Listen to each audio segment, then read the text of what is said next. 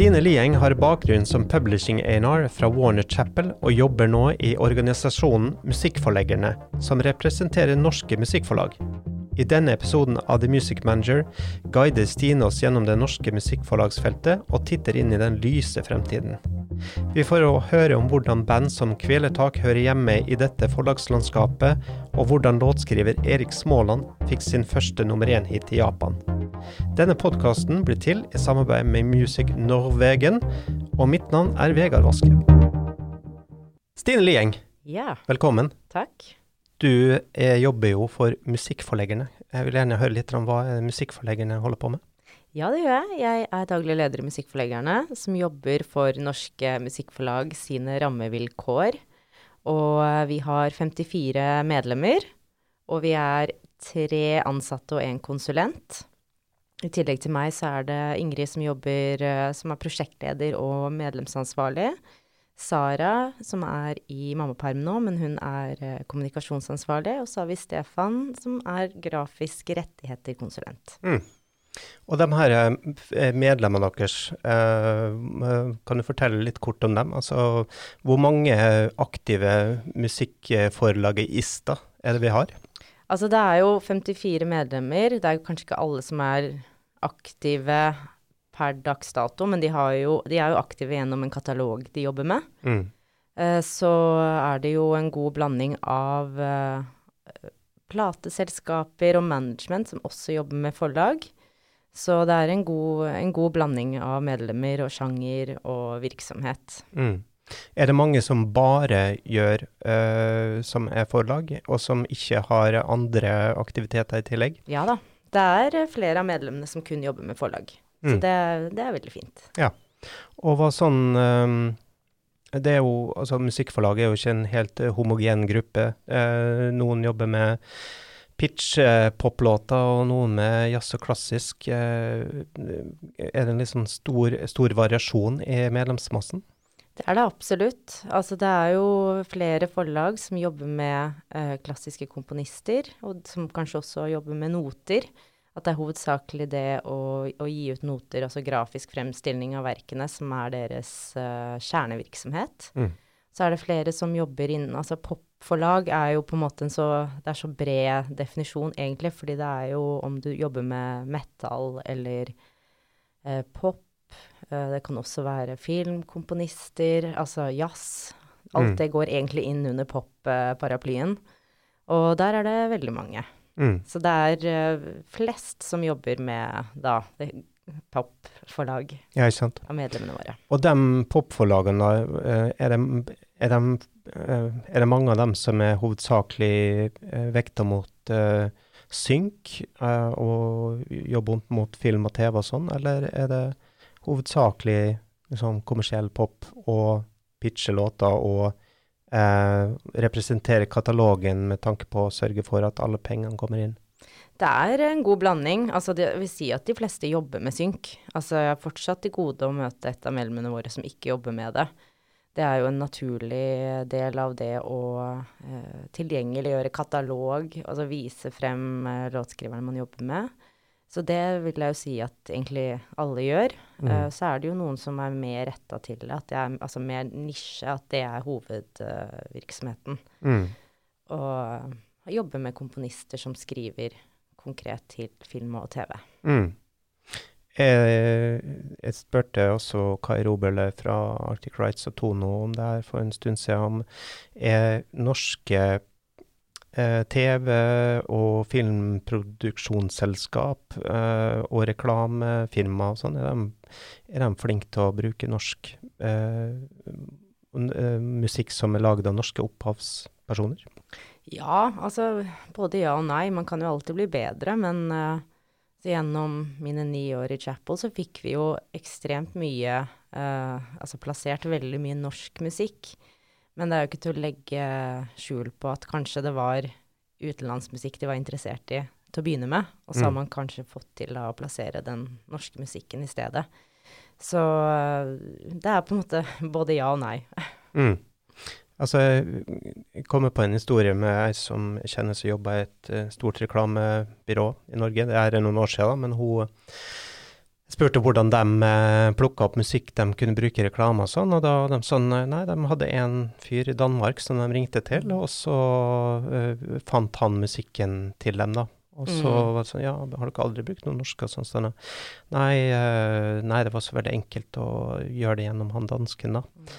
Kanskje også man har en jobb å gjøre her, da, med å rett og slett bli mer synlige, også da, i forhold til de selskapene?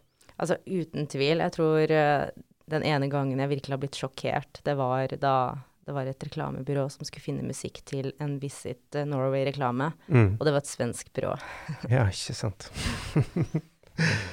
um, musikkforlagene har jo kanskje hatt en litt sånn uh, uglesett uh, rolle historisk sett i Norge, og um, at de har blitt sett på som litt sånn uh, sitat uh, banker som uh, bare gir ut lån med veldig høy rente.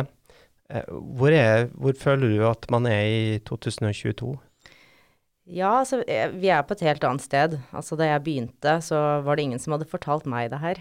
Så jeg visste jo ikke om denne, hvor uglesett og alle disse fordommene fra 80-tallet, at de eksisterte. Mm. Og det var jo noe som Ja, var, jeg tror ikke jeg hadde vært mange dager på jobb før plutselig noen kasta den fordommen mot meg, og så bare Å ja, dette her er faktisk reelt. Mm. Det var veldig langt fra mitt, uh, mitt syn på hva, hva musikkforlag drev med. Mm. Men uh, det har jo blitt en uh, Altså, jeg, syns ikke man på en måte snakker like mye om det lenger. Som i 2013 så var det fortsatt flere som tok det opp. Mens de senere årene så har jeg tror flere generelt har blitt mer oppmerksom på hva musikkrettigheter er, og hvordan man skal ivareta det, og at musikkforlag faktisk er en samarbeidspartner mm. kontra noen som uh, håper jeg er ute etter å ta deg og dine rettigheter. Ja. Kanskje har det litt å gjøre med også at sånn tradisjonelt sett så var jo musikkforlaget dem som trykte notene og fikk dem på en måte alminneliggjort. Og eh, når du da hadde en, en, en overgang der musikkforlagene skulle finne en ny rolle, så har det tatt en stund liksom det, å få det til å sette seg? Mm, det kan godt hende. Mm. Mm. Um, Altså Historisk sett så har jo de store musikkforlagene hovedsakelig vært basert i, i Stockholm. Um, har du noen tanker om ja, hvorfor er det slik? Har det vært slik? Det har vært en større industri der. Det er jo uh, naturlig. Altså, man trenger jo ikke å si noe om alle suksesshistoriene til Sverige. Uh, mm. Men det som kanskje er interessant, er jo at de fleste suksesshistoriene fra Sverige er faktisk fortsatt svenske, eh, kontra norske suksesshistorier som kanskje er litt rundt omkring i hele verden. Og da mister man jo mye kunnskap og kapital, ikke minst, for mm. å kunne fortsette arbeidet og signere nytt talent og utvikle seg som selskap.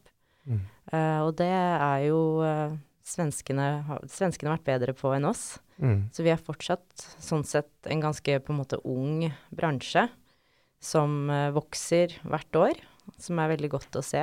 Uh, men uh, svenskene har nok et fortrinn der, ja. Mm. Men um, det har jo også ofte vært sånn at uh, Eh, norske opphavspersoner har eh, signa i USA eller England eller Tyskland istedenfor å signe til eh, det svenske avdelinga. Og mm. eh, svenskene har jo hatt utfordringer med å klare å henge med her òg, da. Når de ikke Når det, de eh, låtskriverne som er i, i Oslo og Bergen f.eks., ikke går utafor døra deres hele tida. Mm. Nei, altså, det er, jo, det er jo veldig viktig med lokal tilstedeværelse, og det å faktisk uh, få suksess i sitt hjemland før man beveger seg ut, tror jeg også er uh, en veldig viktig del for å få suksess utenfor. Mm. Og jeg skjønner jo på en måte at uh, er det Tyskland som er ditt hovedfokus, så gir det jo mening å få lokal tilstedeværelse, noen som jobber for deg der. Mm. Men det er jo litt interessant det med at er, man velger da også å signere med uh, tyske forlag når du har norske forlag som kan gjøre samme jobben, og heller eh, finne samarbeidspartnere på andre områder for å få ja, større fotfeste i, i Tyskland, f.eks. Mm. Men det er jo også kanskje litt sånn utfordrende for um, um, for forlagene å kunne være til stede absolutt alle steder. Altså at uh, et norsk forlag kan gjøre en ekstremt bra jobb i Norge og få ting ut, men noen låtskriver har, skriver kanskje låter som passer bedre inn i Tyskland, f.eks. Ja, absolutt. Altså, man trenger jo et godt nettverk, uh, og så trenger man jo uansett Altså skal du gjøre noe som helst i Tyskland, så burde du ha en tysk advokat. Mm. Det er mm. ikke noe vits å ha en norsk advokat som skal se gjennom uh, hva enn som foregår på, i tysk, uh, tysk mm. rett. Det, så det er jo uansett om du signerer på norsk, så trenger man jo kompetanse på andre områder, og det kan man jo alltid syre inn. Mm. Og det er jo veldig mange norske forlag som jobber med utenlandske selskaper. Altså er det noe forlaget er gode på, så er det jo samarbeidet. Så om det er at man har konsulenter i andre territorier, eller om man har en co-publishing-avtale eller sub-publishing, så man samarbeider med andre som kan hjelpe til med å tilgjengeliggjøre og finne nye muligheter for låtskriverne utenfor Norge. Mm. Um, din tidligere kollega Petter Walter eh, i Warren Chapel han har nå blitt head of A&R i Norden. Mm -hmm. um, og den uh, rollen har jo som regel uh, vært i Stockholm, som jeg syns er veldig gledelig uh, fra, og bra valg fra Warner Chapel sin side, da. Um, Tror du eh, at, eh, altså at, Sony og Universal og Cobalt kommer etter med å opprette norske kontorer? Så de burde jo det. Altså Petter er jo en veldig unik A&R, og på en måte et bevis på at uh, hvis du jobber hardt og hører med øre, hode og hjerte, så kommer du langt. Mm. Og han uh, har jo på en måte fått en fantastisk mulighet, og det at han kan gjøre det fra Norge er jo, som du sier, ekstremt unikt. fordi som regel så vil jo majorene De har jo hovedkontorene sine i Stockholm. Så det at, uh, at Petter kan gjøre den jobben fra Oslo, er helt fantastisk. Og uh, han kommer til å gjøre en kjempegod jobb der. Så sånn sett så bør jo Sony og Universal følge litt med, og bare se at det å faktisk ha et kontor i Oslo lønner seg i lengden. Mm. Så kanskje de også får en sånn mulighet. Ja, sant. Eh, du har jo som, som sagt jobba sjøl i One Chapel i hvor mange år? Nesten ni år. Ja. Mm. Og uh, hva besto jobben din i? Så da jeg startet, så ble jeg ansatt som en A&R. Og da kommer du jo på en måte til et dekka bord med låtskrivere og produsenter og artister da, som er signet der. Og så skal du jo være ganske raskt ute med å forme, forme den lista og signere nye, nye låtskrivere. Mm. Så det var jo hovedfokuset. Så de første tre signingene mine var jo Kvelertak, Magnus Grønnenberg og Erik Småland. Mm. Variert. Så, veldig variert og fin uh, liste med tre vidt forskjellige behov. Til, uh, liksom, uh, ta de tre casene. Hvilke behov har de hver for seg? Altså, hadde jeg kommet inn i et studio med kvelertak, og så kom med A&R-tilbakemeldinger, så tror jeg jeg hadde blitt kasta ut ganske kjapt. Uh, så de hadde ikke den A&R-behovet, men de hadde, mer, altså de hadde et behov for å uh, ha noen som jobber for å hente inn pengene deres utenfor uh, Norges grenser. Altså mer den administrative, registrere konserter, se at alt går som det skal. Uh, og ja, hente inn pengene. Og mm. så kanskje de hadde behov på synk. Og det å bare finne ut av hva er det en synk skal koste, det er jo nesten umulig å si hvis du ikke vet hva som er ja, på en mm. måte vanlig. Hva er det du kan be om? Hva skal musikken koste? Hva, hva, en, eh, liksom et band som Kveldtak, eh, hvor, hvor kan den musikken plasseres, sånn ja, synkmessig? Kan plasseres overalt. Den burde plasseres overalt. Mm. Uh, men spill har vært uh, veldig populært og film og TV, dokumentarer. Mm. Altså det har vært, uh, vært flere store Kvelertak-placements de siste årene. Mm. Og uh, så har du jo på en måte Magnus Grønneberg, som heller ikke vil ha en sånn klassisk A&R, som har helt andre behov. Og så har du jo Erik Småland, som har hadde hatt mer behov for en A&R enn som faktisk setter opp sessions, får han inn i riktig rom, tenker langsiktig, legge gode planer for hvordan han skal komme seg på et høyt nivå. Og da jeg jobb, begynte å jobbe med han, så var det vel hovedsakelig russemusikk. Mm. Så det har jo skjedd ganske mye uh, med han. Mm. Og eh, han var veldig på en måte åpen, og det var, altså det var, var så gøy å jobbe med han, fordi han var skikkelig ja-person, og han hadde en sånn drive som jeg nesten ikke hadde sett før. Han jobba så sjukt hardt og var så Det var liksom Det, det her skulle, skulle han gjøre. Mm. Og han var åpen for alt av muligheter, så når vi begynte å snakke med han om j-pop, som var på en måte et av våre fokusområder på den tiden, så var han ikke vanskelig å be. Og så tok det jo ikke lang tid før vi faktisk fikk en plassering. Uh, det var jo min første liksom utenlandske cut. Mm.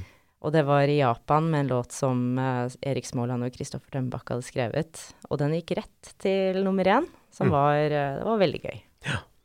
Og hvordan var det den, eh, hvordan var den prosessen? Var det pitcha inn en låt, og så ble den tatt ferdig og bare bytta vokal på, liksom? Ja, det var ikke så langt unna. Altså, de, de fikk den, en ferdig låt, og så kommer det jo inn en japansk tekstforfatter og så skriver om hele teksten. Og de ber vel om 50 eh, av publishingen. Mm.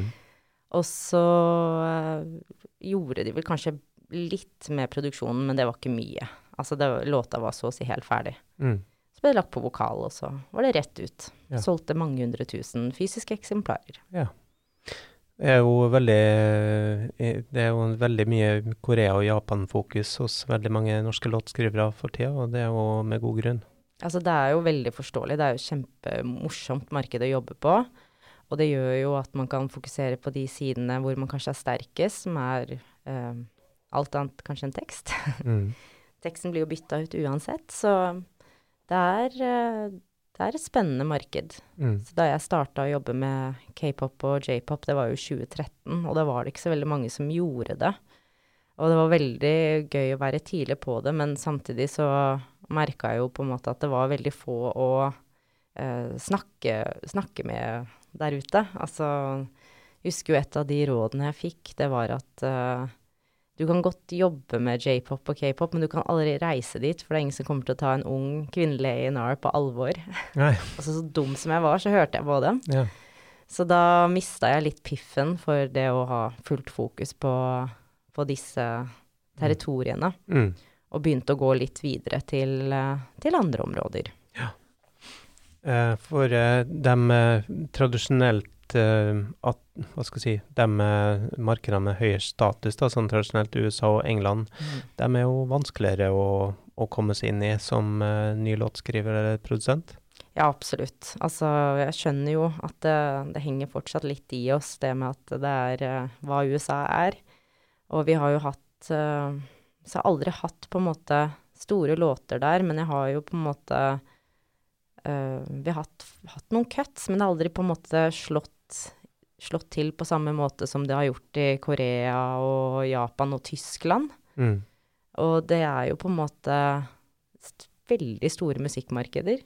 Så det at man på en måte skal fokusere så mye på USA, det virker det som at de fleste har begynt å slå litt fra seg. Selvfølgelig, man drømmer og man ønsker det, men det er, eh, ganske gøy å få en stor hit i Korea og Japan og Tyskland også. Mm.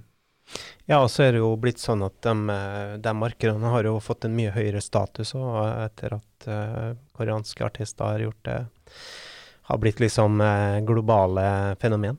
Ja, akkurat. Nå er det, nå er det jo stuereint. Mm. Det var det ikke i 2013. Nei, ikke sant. Skulle ikke lenger tilbake. Nei, de skulle ikke det. Så hva vil du si at liksom uh, A&R-hverdagen din besto bestod i, da? Var det å bruke sessions og pitche låter? Absolutt. Uh, brukte veldig mye tid på pitche låter, selv om det på en måte er nesten en umulig jobb. Det er mye bedre å bruke tid på å sette opp gode sessions. Mm. Og noe av det som jeg alltid har syntes har vært veldig gøy, det er også å sette Altså finne hvem som skal jobbe sammen. Og det å på en måte introdusere låtskriverne jeg jobba med, inn, og bare få dem inn i riktig rom. Og det å ta og bruke tid på det og tenke langsiktig at ok, nå må du Hvis du gjør denne session, så kommer vi litt nærmere målet. Og det var jo også på en måte hverdagen at det var veldig mye låtskrivere jeg jobba med som fokuserte på å si dansebandpop. Uh, og det var jo gøy for, for, dem, fordi de kunne være så kreative de bare ville. Det var veldig få sånn Nei, dette kan du ikke gjøre, og alt var åpent. Det var, det var en lek. Men da er det jo ikke like lett som A&R så skulle si til noen du, denne personen er dødsbra. Ta og Hør på disse uh, dansepop, uh, norske mm. uh, Trenger ikke å si noe navn, men uh, Og det, det, sier jo seg selv at da får du jo ikke til store samarbeid. Så det har vært på en måte noe av det jeg fokuserte mest på, var å starte i det små. Gjør kanskje session som bare Det her kommer du ikke til å få noen store hits av, men du kan vise hvor dyktig produsent og låtskriver du er. Mm. Og at du gjør noe mer variert da, enn bare den samme type sjangeren. Mm. Og det har jo vært Altså bygge stein for stein. Ja. Og det har jo vist seg å fungere veldig bra. Og uh, man må liksom Man jobber langsiktig som publisher. Mm. Det er alltid minimum tre år om gangen. Det er ikke sånn Flopper denne singelen, så er vi ferdig med deg. Det er minimum tre år, og mm. gjerne ti år. De går fort. De går fort, altså, de tre mm. årene. Så det er på en måte veldig bra å kunne jobbe på den måten. Å være A&R på et musikkforlag, da må du gjerne ha en ganske sånn en, Det er vanskelig å bare representere to. Mm. Du må gjerne ha en roste på vet ikke, et eller annet sted mellom 10 og 20. Eh, og det kan jo bli mye å rekke over også. Hva, hvilke valg gjør man da med tanke på hvem man signer? Altså, man må jo man må på en måte ta valg som ikke går på bekostningen av de du signer. Man skal ha tid til å jobbe med, med de, og ikke minst at det ikke Altså, det skal ikke gå på bekostning av noen. Det tror jeg er så innmari viktig, fordi det er jo noen som kanskje tenker at man skal signe mest mulig, få stor market share osv., men det er mennesker man jobber med, og du skal ha muligheten til å kunne gjøre samme gode jobben for alle. Så for min del så dreide det seg veldig mye om eh, også signere bredt. Altså låtskrivere med totalt forskjellige behov. For mm. jeg var jo på en måte veldig privilegert da jeg jobbet i et major-selskap, at man har et stort apparat rundt seg. Og de har tilgang til alt av data og informasjon og hva enn det måtte være. Og det å faktisk kunne si det at du, det er ikke meg. ja, signer, jeg signa deg, men du har signa med selskapet. Og det finnes så mange mennesker rundt deg her som kan være behjelpelige. Og det å være god på å delegere og passe på at alle får hjelp til det de trenger, og så aldri ha mer enn egentlig ett utviklingsprosjekt. Det er mm. mer enn nok. Og så signere ja, altså hvor enn de er i karrieren sin og hva de trenger. Bare passe på at uh, det er en bred, bred gjeng man har. Mm. Men så du har um Eh, låtskrivere som sitter i et studio og go with the flow, og det er kjempegod stemning, og de lager en kjempebra låt. Eh, og så blir det plutselig en eh, placement hos en stor artist og en stor hit. Um, blir det da fort eh, konflikter om fordelinga av, eh, av pointsene? Absolutt. Du vet ikke at du har en hit før det blir i hvert fall én krangel. Det er på en måte Det er stempel. Da har du en hit. Mm. Det skjer jo veldig ofte, og det er jo veldig interessant, fordi nå det jo, står det jo mye om det i dagspressen også, men det er jo ikke i nærheten av det på en måte som faktisk foregår der. Ja, man kan lese om Ed Sheeran og sine alle eh, på en måte disputter, og Rolf Løvland som vant i, i, retten, men det er jo de tingene som faktisk kommer opp til retten. Mm. Det skjer jo ekstremt mye før det. Mm. Og om det er uh, låtskrivere som er uenige seg imellom, eller om at det er flere som dukker opp underveis som mener at de har vært med på å skrive, eller om noen mener at du har plagiert dem, så er det veldig stor del av uh, Altså, det er jo musikkforlagene sitt jobb å rydde opp i, og det er, det er en spennende, spennende del av jobben. Mm. Hvilken rolle inntar man da som uh, publishing A&R? Er det liksom viktigst å grabbe mest mulig til sin klient, eller? Ja, altså Ja og nei. Ja og nei. Altså, det skal jo være rettferdig, og det kommer jo opp Altså, det er så mange forskjellige situasjoner man kan havne i. Er det på en måte noen som mener at du har faktisk har plagiert dem, så er det jo en helt annen sak. Men er det noen som kommer inn og så sier at du, vi har skrevet denne låten, vi er fire stykk, og så er det en som plutselig mener at de skal mere, da, da, må man prøve seg på rettferdighetskortet. Og så finne en god løsning. Mm. Men uh, er det um, hvor, hvor, tenker du hva er det som bestemmer den fordelinga? Er det uh, hvem som gjorde akkurat hva, eller uh, bare litt sånn det er jo litt opp til de som er i rommet, men altså, det er jo Dele likt, dele rettferdig. Uh, det er som regel kanskje den, den letteste løsningen. Mm.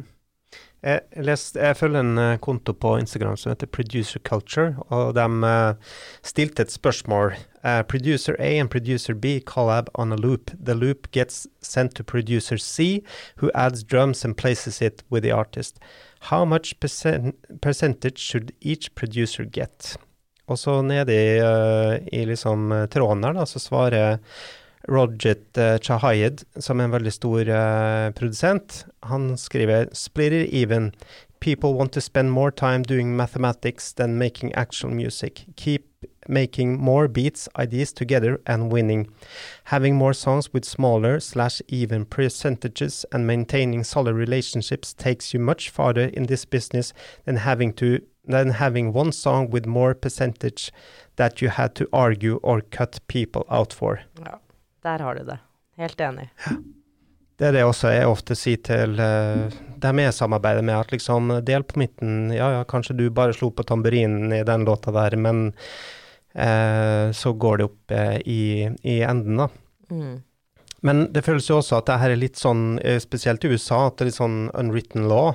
At det beste er å dele det på midten, fordi at da slipper man all kranglinga, og da kan man på en måte fortsette å samarbeide. Mm. Ja, altså absolutt. Men uh, det er jo altså, Av de store rettssakene vi har sett nå, så er det jo også kanskje et at det ikke er en låtskriver nødvendigvis som står bak uh, saksøkingen. Det er et uh, dødsbo. Mm. Arvinger. Og det gjør jo på en måte noe med hele Altså hele dynamikken. Altså nå som du har store selskaper som kjøper opp rettighetene, uh, og, og, da er det jo på en måte ikke i kreative hender lenger. Mm. Så det blir veldig interessant å se nå fremover, når vi har alle disse store selskapene som har kjøpt i seg mye rettigheter, er hvordan kommer hvordan kommer det til å bli fremover? Ja, når de skal uh, få igjen pengene sine. Når de skal gå, calle plagiat på alt av uh, Det kan bli Ja, det kan bli mye, mye å følge med på fremover. Ja, absolutt. Um, men vi ser nå at flere mindre forlag, forlag, etableres i Norge. Og hvilke muligheter ser du for dem fremover? Jeg tror det er masse muligheter. Det er jo Altså norske, norske, låtskrivere er jo på en måte Det er mange, og det er veldig forskjellig hva de forskjellige driver med. Så det å ha nisjeforlag som jobber konkret med om det er sjanger eller hva enn det er, det tror jeg er en enorm styrke. Så ja til flere nisjeforlag som i Norge. Mm. Eh, når man har jobba som låtskriver i flere år og bygd, uh, jobba som forlag med en låtskriver i flere år og bygd stein på stein, og så kommer hiten. Og så begynner de utenlandske store forlagene å vifte med gullkortene og, og, store ord. Eh, hvordan holder man da på den klienten man har bygd opp? Det er jo opp til klienten, egentlig. Altså det er jo eh, Har man gjort en god jobb, har man bygd seg en god relasjon, uh, tenker man langsiktig og har på en måte en plan videre som høres fornuftig ut, så er det Bør jo det telle egentlig mer enn det gullkortet. Mm. Men det igjen, det er opp til uh, låtskriveren selv. Jeg vet ikke hvor mye et forlag uh, kan si på at du ikke går etter penga, går etter hjertet. Mm. Det er det låtskriveren som må bestemme selv. Ja spør litt hvordan det er i liksom, livsløpet. Abs si. Om man skal kjøpe leilighet eller ikke. Ja. uh, de, fle de, fleste av de her små forlagene er med veldig små units, med liksom, gjerne sånn ett til to personers uh, uh, setups.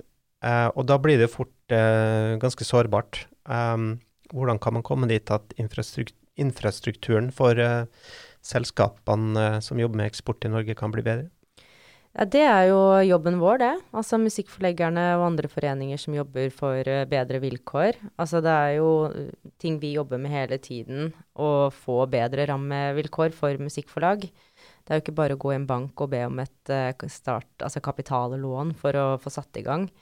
Det er uh, ekstremt mange ting som spiller inn her, og det er jo ting vi jobber med hele tiden. Leverer inn høringsinnspill, altså og prøve å forklare hva vi faktisk driver med i denne bransjen, og hva rettigheter er. Mm. Altså når de store, største selskapene i verden bruker enorme summer på å kjøpe opp uh, kataloger, så må det jo være et eller annet der som nærings... Uh, altså de næring i Norge faktisk uh, kan følge etter og skjønne at det er det er en business mm. vi driver med her, og vi trenger eh, bedre vilkår på lik linje som Sverige. Mm.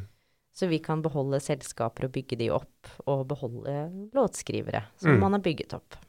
Er det noen eh, sånne konkrete prosesser i gang? Altså jeg tenker på liksom i Næringsdepartementet eller i Kulturdepartementet eller er Innovasjon som, Norge?